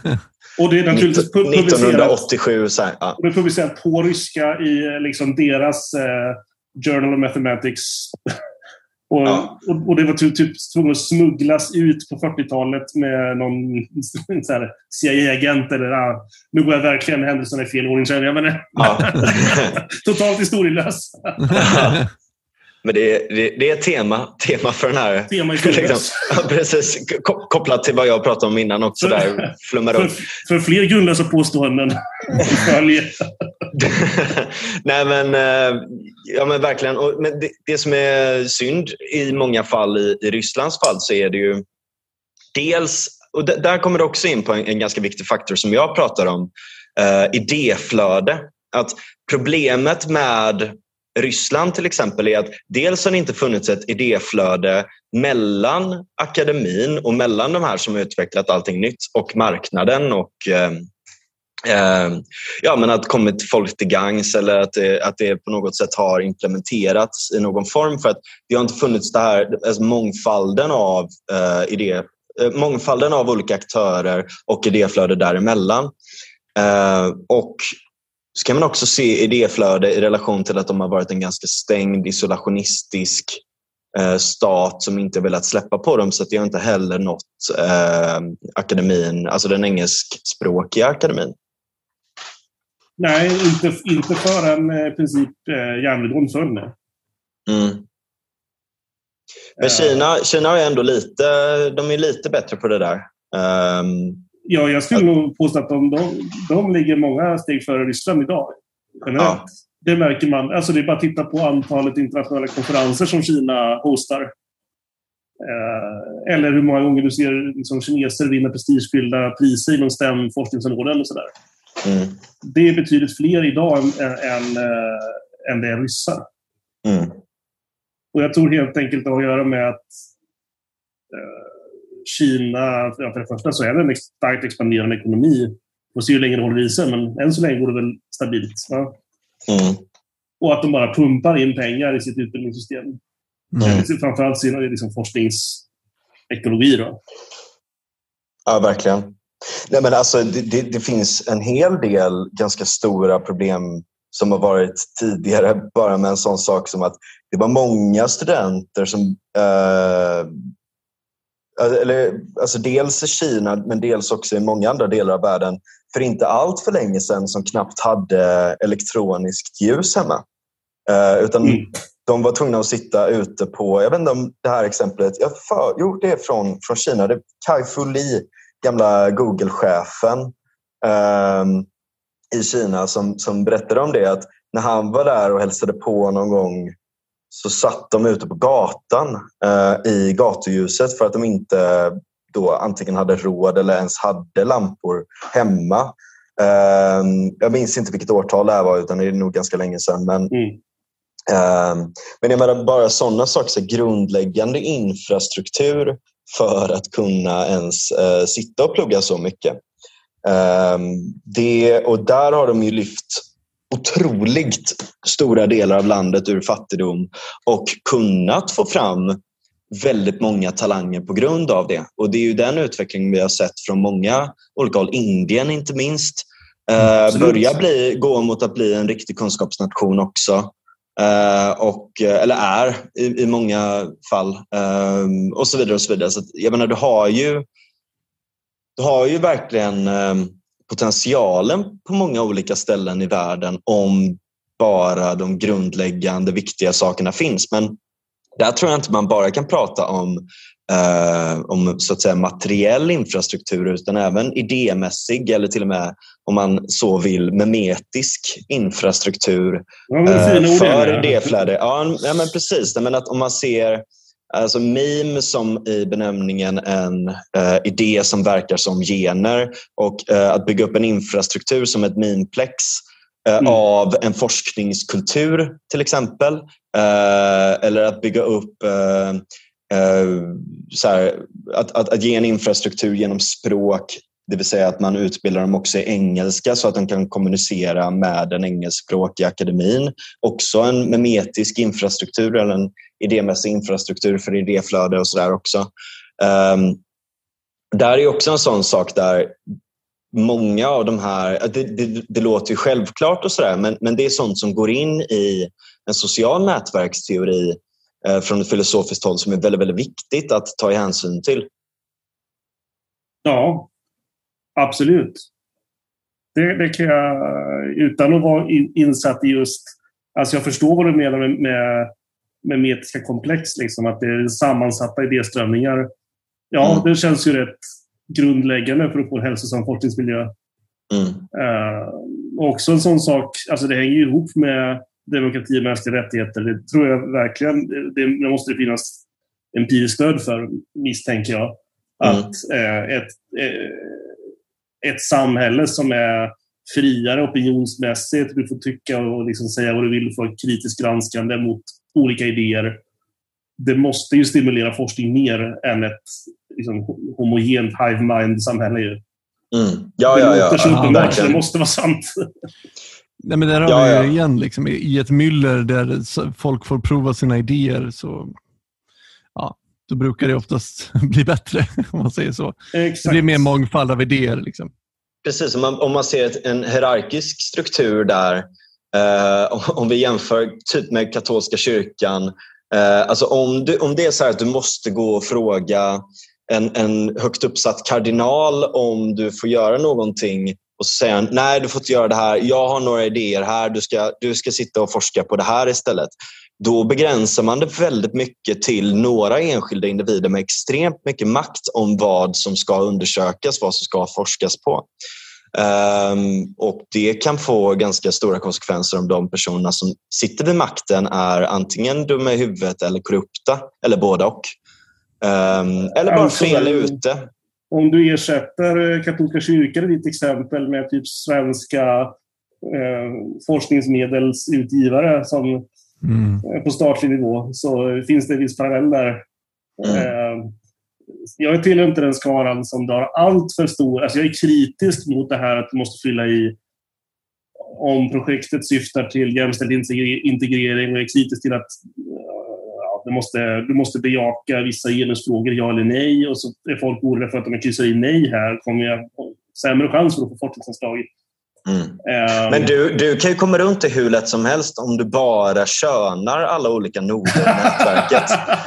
Ja, Och så precis. säger jag, vill ha, precis, jag vill se hur det här påverkar integrering. Ja, jag Ja, tror att du, du kan nog spela det där spelet dunderbra. Alltså.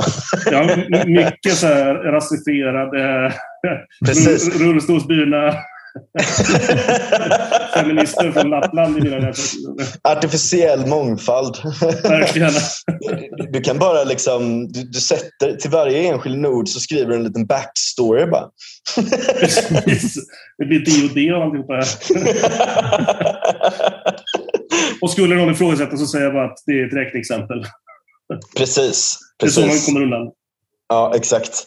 Nej, men jag menar, det jag säger är att Eh, det finns de som säger att universiteten i Sverige är så oerhört politiserade och det är bara vänstervridet alltihopa. Nej, riktigt så tycker inte jag att det är när jag tittar på verksamheten. Liksom. Men däremot så finns det tendenser som oroar.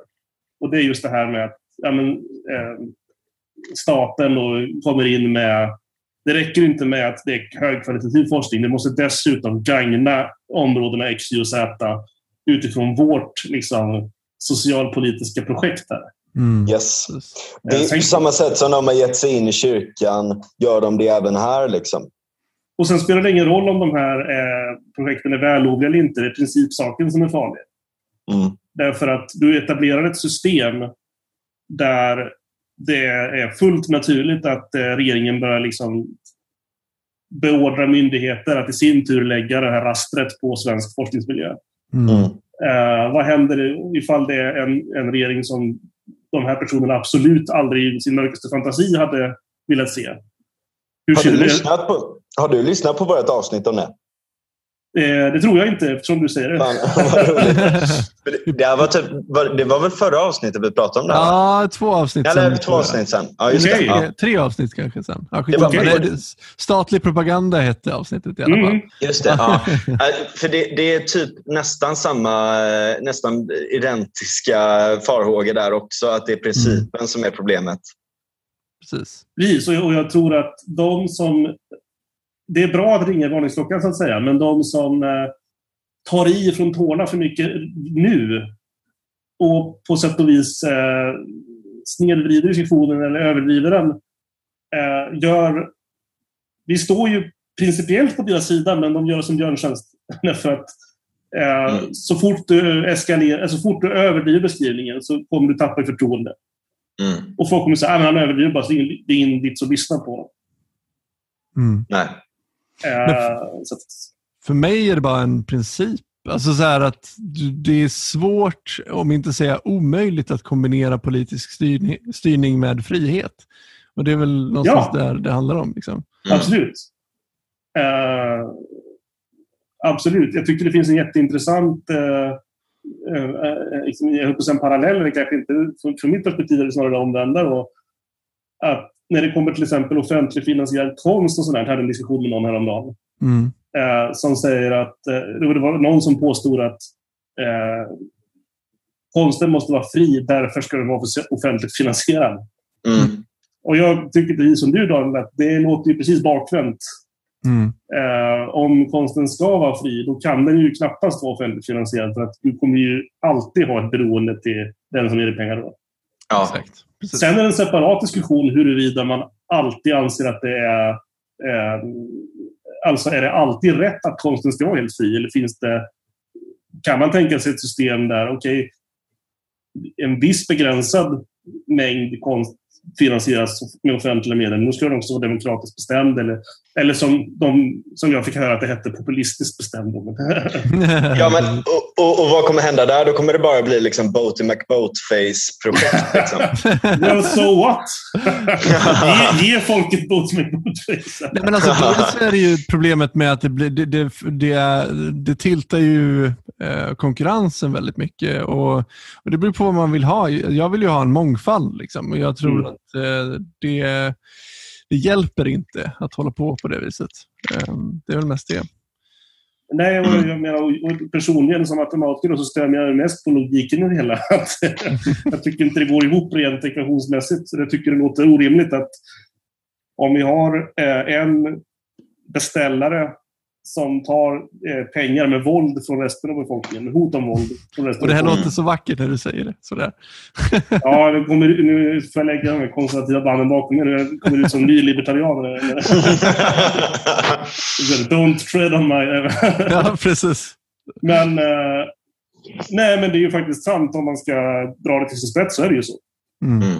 det är klart att det är svårt att känna det helt fri. Dessutom om, om framförallt om staten lägger på ytterligare ett raster av, inte nog med att ni skulle vara tacksamma för att få emot pengar, utan vi skulle dessutom främja det här fina eh, liksom socialingenjörsmålet vi har. Vi använder konst och vetenskap instrumentellt för att åstadkomma det här. Just det. Mm. Och återigen, jag säger inte att det nödvändigtvis är dåligt. När det kommer till vetenskap är det väl fullt rimligt att man använder statliga resurser till att styra det mot viktiga kritiska samhällsområden till exempel. Eh, det vore konstigt annars. Alltså, vi har ju... Vad sa du? Förutsatt att, man, förutsatt att man vet vad som kommer vara nästa utmaning. Det är sant. Men åtminstone kanske klimatfrågan känns som en ganska universell fråga. Mm. Ja, Eh, Så länge politiken håller sig neutral till vad forskningen kommer fram till. Vi ska inte liksom ha politisk forskning. Det är Exakt. det som är det farliga. Exakt. Mm. verkligen. Men, eh, Och att den inte är så, alltså att det inte är allt för styrt då. Um, men, men där känns det ju också...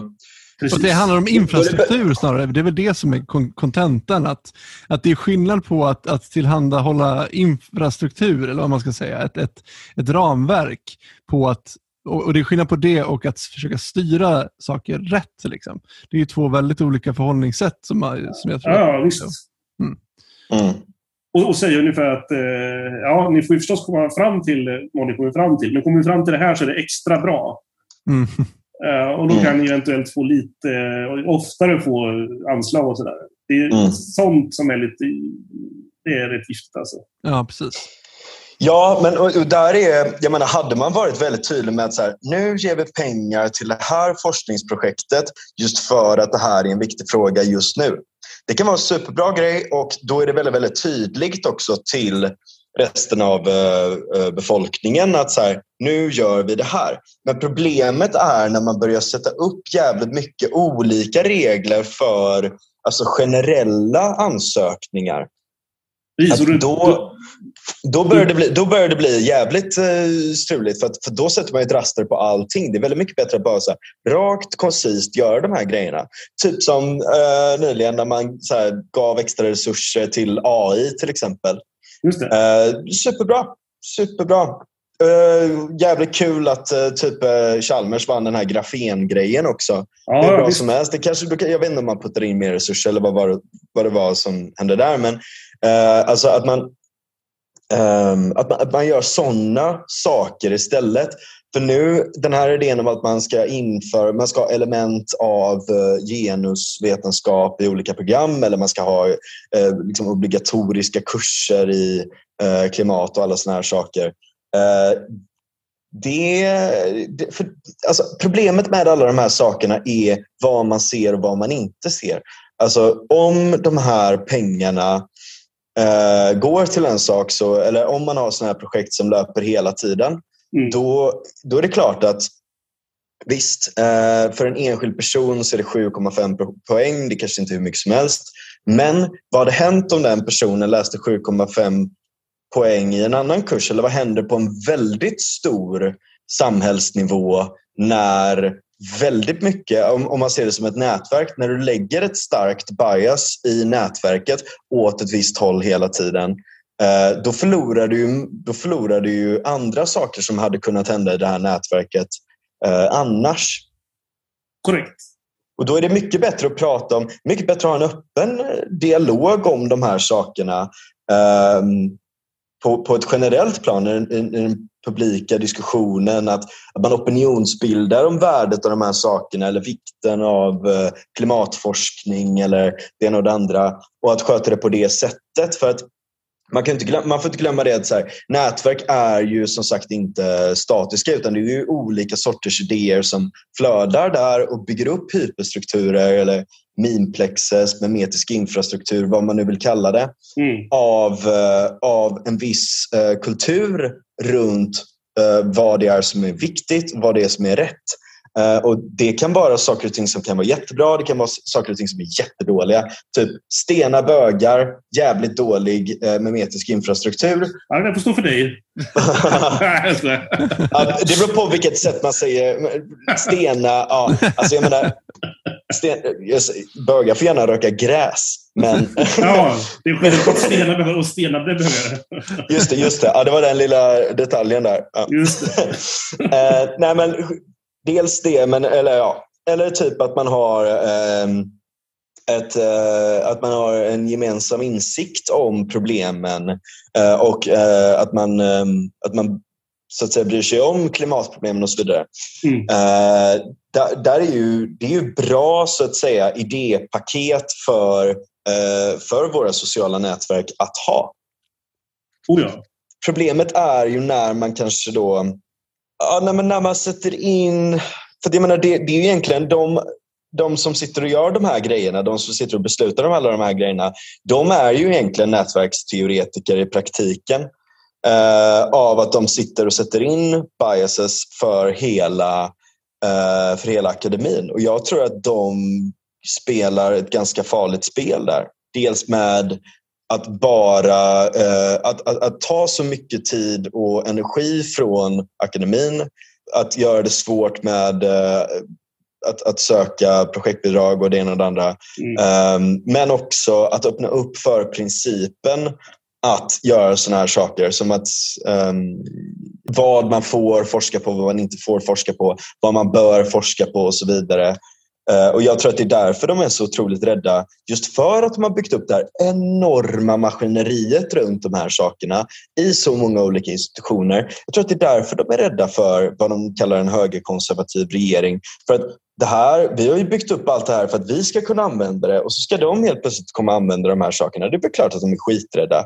För att det är hur jävla mycket som helst, hur mycket jävla maktinflytande som helst som kommer med vår stora stat. Och det konstiga är att diskussionen där blir så snedvriden när man säger att nu kommer det bli en, liksom en konservativ styrning då av högskolan istället. Nej, det vet jag fasen om. Då, och då har du inte läst liksom förslagen som har lagts. Inte ens, inte ens SD är ju inne på det spåret. Nej. Utan eh, högeroppositionen är inne på att snarare neutralisera det här och låta högskolan bli mer självständig. Men det ses alltså som ett hot. Därför ja. att enligt, i, i sossarnas idévärld så är det neutrala är att de har kanaler in i olika institutioner. Liksom. Mm. Ja. Börjar man ja, bråka med det, då, då är man extrem. ja, exakt. Det är så det är. Det är, så. Ja. Det är samma inom kyrkan. Ja. Men det där är så roligt. Alltså, de spelar ju med fusk i varenda jävla spel de spelar och förlorar ändå.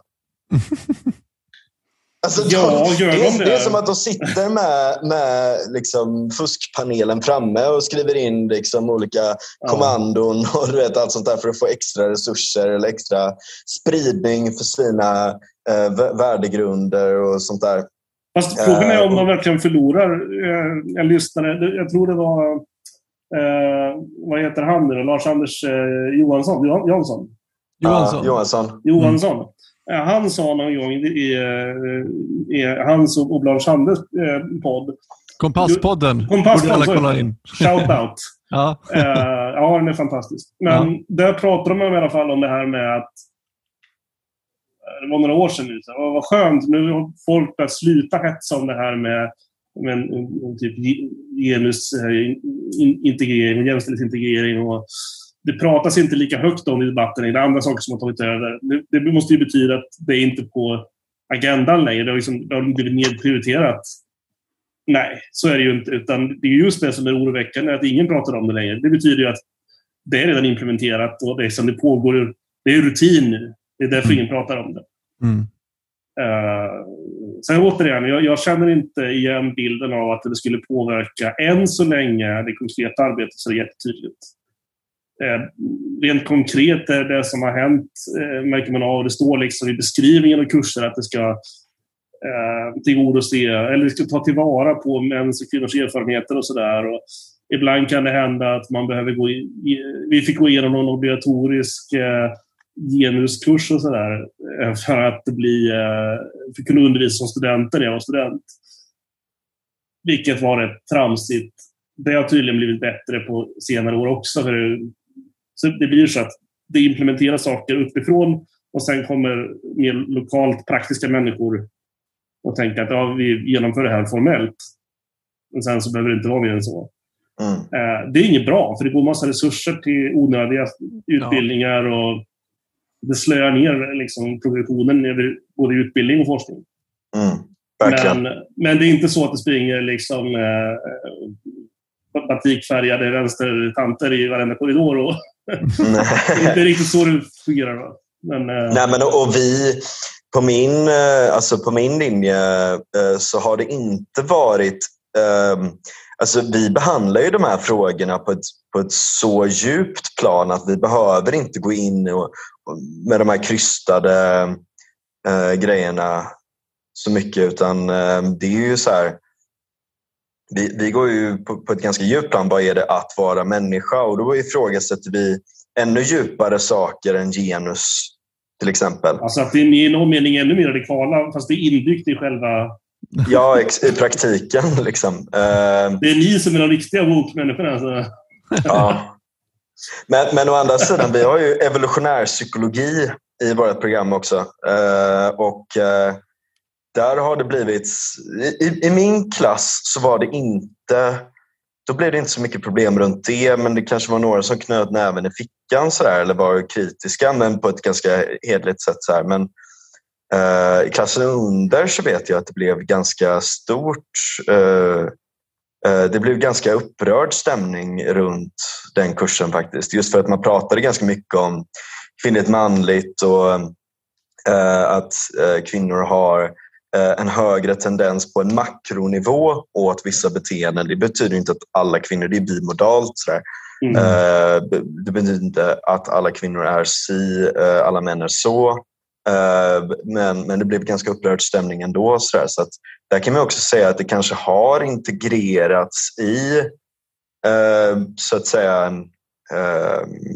folkmedvetandet på något sätt med många av de här idéerna. Ja, verkligen. Men samtidigt också väldigt polariserat å andra sidan. Jag menar, om man kollar på, om man kollar på, på den generationen som börjar bli upp mot 18, 19, 20 hållet just nu så har jag märkt tendensen. Men det, det här är ju ett begränsat urval av, av människor såklart. Men jag har märkt en tendens som är ganska stark polarisering där mellan killar som typ gillar eh, Hanif Bali och eh, uppvuxna med gamingkultur, internethumor, mm. Eh, ganska grova skämt och hela den biten. Och, ehm, och där, där kan det både vara killar och tjejer men det är en distinkt kultur som är mansdominerad och å andra sidan en kvinnligt dominerad kultur som är väldigt, väldigt marinerade i, i alla de här jag tycker inte det finns något bra namn på det. Jag skulle verkligen inte vilja kalla det eh, vare sig postmodernt eller metamodernt. Men alltså, de här, vad ska man säga? Flum? Nej men ny, ny Nej, vänster. Nej, men, jag, jag, jag, tycker verkligen inte att det finns ett bra ord för det men ni förstår Nej. vad jag menar. Ja. Det här, alltså... Pseudo-postmodernism liksom, eller? Ja, men jag tycker det, det är konstigt att kalla det postmodernism för att eh, alltså, egentligen postmodernismen handlar om dekonstruktion, det handlar om kritik, det handlar om att bryta ner modernismen. Det är en kontrareaktion mot modernismen. Ja, och det, det, är också framförallt ett, ett, ett sätt att bryta ner tidiga, alltså bryta ner olika klassificeringar på saker och ting och, och, och, liksom få större Stora komplexitet. Mm. Uh, och, ja, precis, precis. Men om, om Nej, man ser alltså, de här, alltså det här att, att, att, sätta, att sätta ord på varenda liten Eh, millimeter av det sexuella spektrat, eh, könsspektrat och, och ideologispektra och, mm. och, och, att vara extremt eh, kritisk åt alla som inte håller med om vissa saker och allt sånt där. Det är inte... Det skulle jag nog inte kalla postmodernism. Nej, liksom. Jag, det, det, det, det håller jag med om. Har ni talat om, eh, det måste ni vara, James Lindsay, amerikanska matematikern Ja. Tillsammans med, han var ju med det här, med det här uh, The Grievance Studies. Mm. Just det, just det. Ellen ja. Pluckrose och vad de heter. Mm. Ja. Uh, han har ju gått igenom det ganska noggrant i olika sammanhang. Dels i textform på hans egen blogg och sen har han varit med i en massa poddar och pratat om just hur det som en gång i tiden var postmodernism och utvecklades liksom, kanske framför allt av franska filosofer först då i 40-50-talet Man tänker på Sartre och Baudelaire och de här Mm. Existentialisterna. existentialisterna. Och sen Mm. så småningom så spreds det till den första österrikiska skolan. Nu pratar jag inte om Mm. ekonomi, alltså, vi pratar om mm, Nej, nej. filo- filosofiska skolan. Där. Mm. Och sen de som så småningom... Det är ju nästan Flydde. konstigt. Ja, det är ju konstigt att det kallas för österrikiska skolan när de egentligen hade sitt huvudfäste i USA. På öst- Ja. ostkusten tror jag det var. Eh, vad heter de nu igen? Uh, nu skulle... Men det är väl inte sådana som Adorno Ja. och... Ja, precis. precis. Och Det Frankfurt. heter... Tack. Frankfurt. Frankfurtskolan Frankfurt. jag. Exakt. Ja. vad sa jag? Österrike? Jag menar Frankfurt. Precis. Mm. Eh, Ja, precis. Men att, precis. att den generationens tänkare sen gjorde ju allt mer avbrott med, vad ska man kalla den klassiska postmodernismen i någon konstig... Mm. Konstig Ja, men även, även om, man, om man jämför dem med Foucault eller man jämför dem med eh, eh, alltså, ja, till vad den blev sen då, alltså långt mycket senare. Mm. Jämför man det med, med franska filosofer som Foucault eller Deleuze eller sådär Mm, så, så är det ju ganska radikalt olika saker. verkligen. Så att jag håller med dig. Det, det är nog det är en eh, björntjänst gentemot postmodernism som definitivt har sina poänger. Ja. Eh, att eh, kalla det här liksom muterade monstret vi har idag för det. Mm. Ja, nej, men, och det är därför jag, jag stör mig lite på det. För att jag menar, och det, det är även, jag menar, jag gillar inte Adorno eh, själv sådär, och det är många andra där i den eh, så här, som jag inte gillar så mycket. Men det, är så här, det finns ju en del intressanta tankar där ibland. Eh, men, men jag menar, till och med det är ju frånskilt från, från det som vi har idag. Alltså den här typ critical race theory. Att så här, eh, Ja, ja, visst. jag menar, att, att, att, att man ska prata så jävla mycket om ras, så jävla mycket om identitet på ett sätt som nästan blir eh, eh, det, det, det blir eh, en motsvarighet till eh, eh, extrema white power-rörelsers syn på hur man inordnar människor i grupper nästan. Eh, och att man pratar om eh, unbearable whiteness eller man pratar om så, det är ett extremt rasistiskt språk hela tiden. Och hur man pratar om, om män, hur man pratar om straighta människor. Hur man pratar om människor som liksom inte ens har gjort en transition till ett annat kön. Alltså, att, att, att man, det, det är en sån jävla... Det, det, alltså, det är en sak, det är helt okej. Alltså det är helt okej att, att definiera de här sakerna själva och säga så här, okej, vi finns, vi tycker på det här sättet, vi vill leva vårt liv, kan ni sluta bother the shit out of us? Liksom. Det är en sak. Men när man går till sånt extremt angrepp som de gör och med den retoriken de har, med den enorma ilskan de har och det som väcks runt typ eh, Black Lives Matters som, som är liksom någon form av... Ja, men du vet, när folk går runt och tågar med vapen och är, vill ha etnostater för svarta och hela den här biten. Fattar de inte vad de håller på med? Liksom. Nej, visst. Vad fan? Det, det, det är helt sinnessjukt. Och som sagt... eh, Och, och att man ska införa det här, där är också en sån sak att man ska införa det här överallt. Då. Att, att man ska införa det här i skolor, att så här, barnen ska sitta och lära sig om varför det är så jävla fruktansvärt att de har vit hy. Ja. Och att, att, säga? arv, arvskuld återigen till det kristna. Ja, ja, fast skillnaden är att i, i, hos kristna kan du, får du alltid syndadsförlåtelse. Ja, ja, ja, men du kan ju köpa avlatsbrev här också om du donerar. Och, Ja, vem, vem, och- och- vem, vem dog för min eh, liksom, vita privilegiers skull? ja, precis. Vem Ja, offrar men, på och där har du också, kolla bara hur människor har, har, em, har behandlat hela den här grejen runt eh, George Floyd. eh, Med, på tal om, om eh, det här med helgon och sådär också. Att folk har suttit och bett till, till bilder framför honom. Har ni sett de bilderna? Ja, ja, jag, jag har sett det här. Ja. Det här Ja. har jag missat. Det här låter ju helt fantastiskt. Men det, det är återigen det här med moderna helgon. Alltså han blev en martyr för det svarta folket och sådär. Och Och det, det blev han ju, det. det blev han ju såklart, men, men, men till den extenten som man ehm, eh, helgoniserar, om det är ett, liksom, Jo, Ja, mytförklarar. ja men precis. Men det där är... Jag har tänkt på det, bara en liten, eh, liten passus. Alltså, jag har ju varit lite grann i Los Angeles och hängt med liksom liberals i USA. Alltså den här vita, eh, det är inte bara vita människor, men det, det finns en sorts vit kultur av liksom white liberals som är, mm. och det är, det, det, är väldigt mycket, det är väldigt religiöst, alltså i, i, en väldigt dålig bemärkelse. Alltså det är bara en känsla man får när man kommer dit som, som ganska, liksom, men jag är ju ganska mycket ateist, liksom. Ja. eller agnostiker eller vad man nu är. Jag, jag lägger inte så mycket tankeverksamhet på just den biten. Men, men man slås av hur mycket dogmer det finns, hur mycket liksom eh, ja, men just den här, en extrem typ protestantisk syn, att så här, jag ska göra rätt hela tiden och jag har liksom den här blicken på mig hela tiden, att jag ska vara den här perfekta, duktiga människan hela tiden. Alltså, det där är liksom taget till en nivå som är helt galet, trots att de här människorna inte är religiösa i den bemärkelsen. Men det har verkligen fått en sån här konstig fundamentalistisk... Eh, mm. Ja, jag, jag, vet inte. Det, det, där är jättekonstigt. Jag, jag vet inte riktigt hur jag, ska, hur jag skulle förstå det när jag var där, men man, man slås av det. Liksom, att det är så här, det här jag har suttit och tänkt i över en timme nu hur likt det fenomenet är med typ Knutby. Mm. Ja. Eh, där du har en liten klick människor som intalar varann att eh, vi gör det enda rätta, det är omvärlden som inte förstår oss. Vi blir mer och mer isolerade. Och egentligen alla typer av sekter.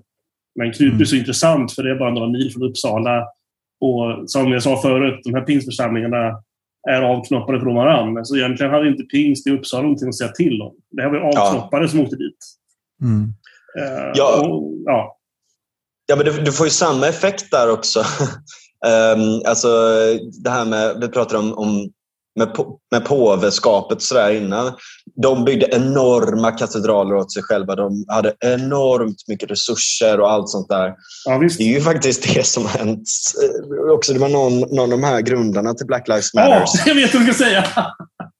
buying, buying large mansions, BLM. Eh, som, som, ja, hon, har bara, hon har bara tagit en, skit, skitmycket av de här pengarna. Jag tror hon köpte liksom tiotal, ett tiotal stora jävla villor för de här mm. pengarna som alla har donerat in pliktskyldigt. Ja. Så, så, och, och sen försöka framea det i någon slags rättvis eh. Ja, jag är också värd det här. Vad fan, ska inte jag få köpa det här bara för att jag är svart eller? Bara, nej, ja, men, men det. Och hennes resonemang var väl att hennes försvarstal gick ut på att jag försöker köpa in mig i de här extremt vita dominerande områdena för att skapa rättvisa. Liksom. Ja. Well. well, well. Ja. Eller kan det vara så att du tycker om lyxhus? Hörrni, ja. vi måste börja runda av lite. Ja, ja men det är bra. Tack så Absolut. jättemycket, Olle. Vad roligt det var. Tack för att jag fick vara med. Ja, vi får Tack. prata vidare snart igen. Absolut. Ha det gött. Ha det gött, hörni. Ha det bra.